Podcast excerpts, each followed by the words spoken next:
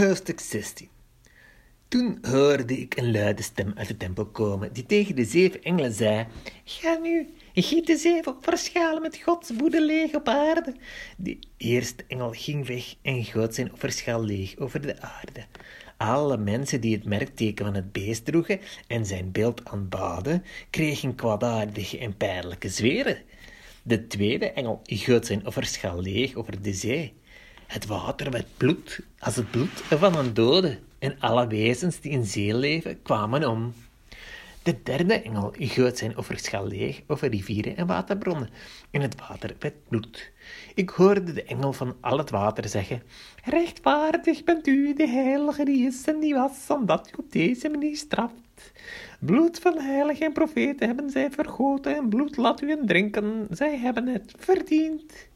Ik hoorde het altaar antwoorden: Ja, Heer, onze God, Almachtige, uw oordelen zijn betrouwbaar en rechtvaardig.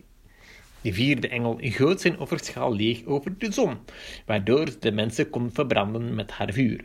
De grote hitte verzengde de mensen en ze lasterden ze naar de naam van God, die macht heeft over deze plagen. Ze tonen geen berouw en bewezen hem geen eer. De vijfde engel goot zijn offerschaal leeg over de troon van het beest. Zijn rijk werd in duisternis gehuld. De mensen beten op een tong van de pijn.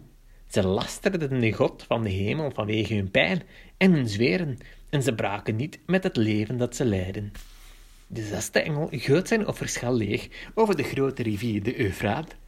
De rivier viel droog en maakte de weg vrij voor de koningen uit het oosten.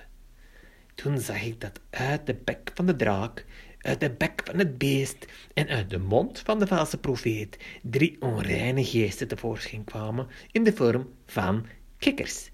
Dat zijn demonische geesten die tekenen verrichten en erop uitgaan om alle koningen op aarde bijeen te brengen voor de strijd op de grote dag van de Almachtige God. Ik kom onverwacht als een dief. Gelukkig is wie wakker blijft en zijn kleren aanhoudt. Hij hoeft niet naakt rond te lopen en zich voor iedereen te schamen. Ze brachten hem bijeen op de plaats die in het Hebreeuws Harmageddon heet. De zevende engel goot zijn offerschaal leeg over de lucht. Toen klonk er, uit de... Toen klonk er uit de tempel een luide stem vanaf de troon die uitriep: Het is voorbij! Er volgden bliksemschichten en groot geraas en donderslagen. Er kwam een zware aardbeving, zo zwaar als nog niet was voorgekomen sinds er mensen op aarde waren. Verschrikkelijk was die aardbeving.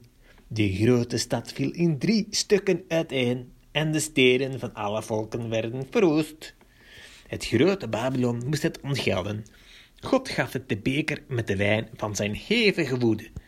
Alle eilanden verdwenen in het niets en van de bergen was geen spoor meer te vinden. Uit de hemel vielen loodzware hagelstenen op de mensen.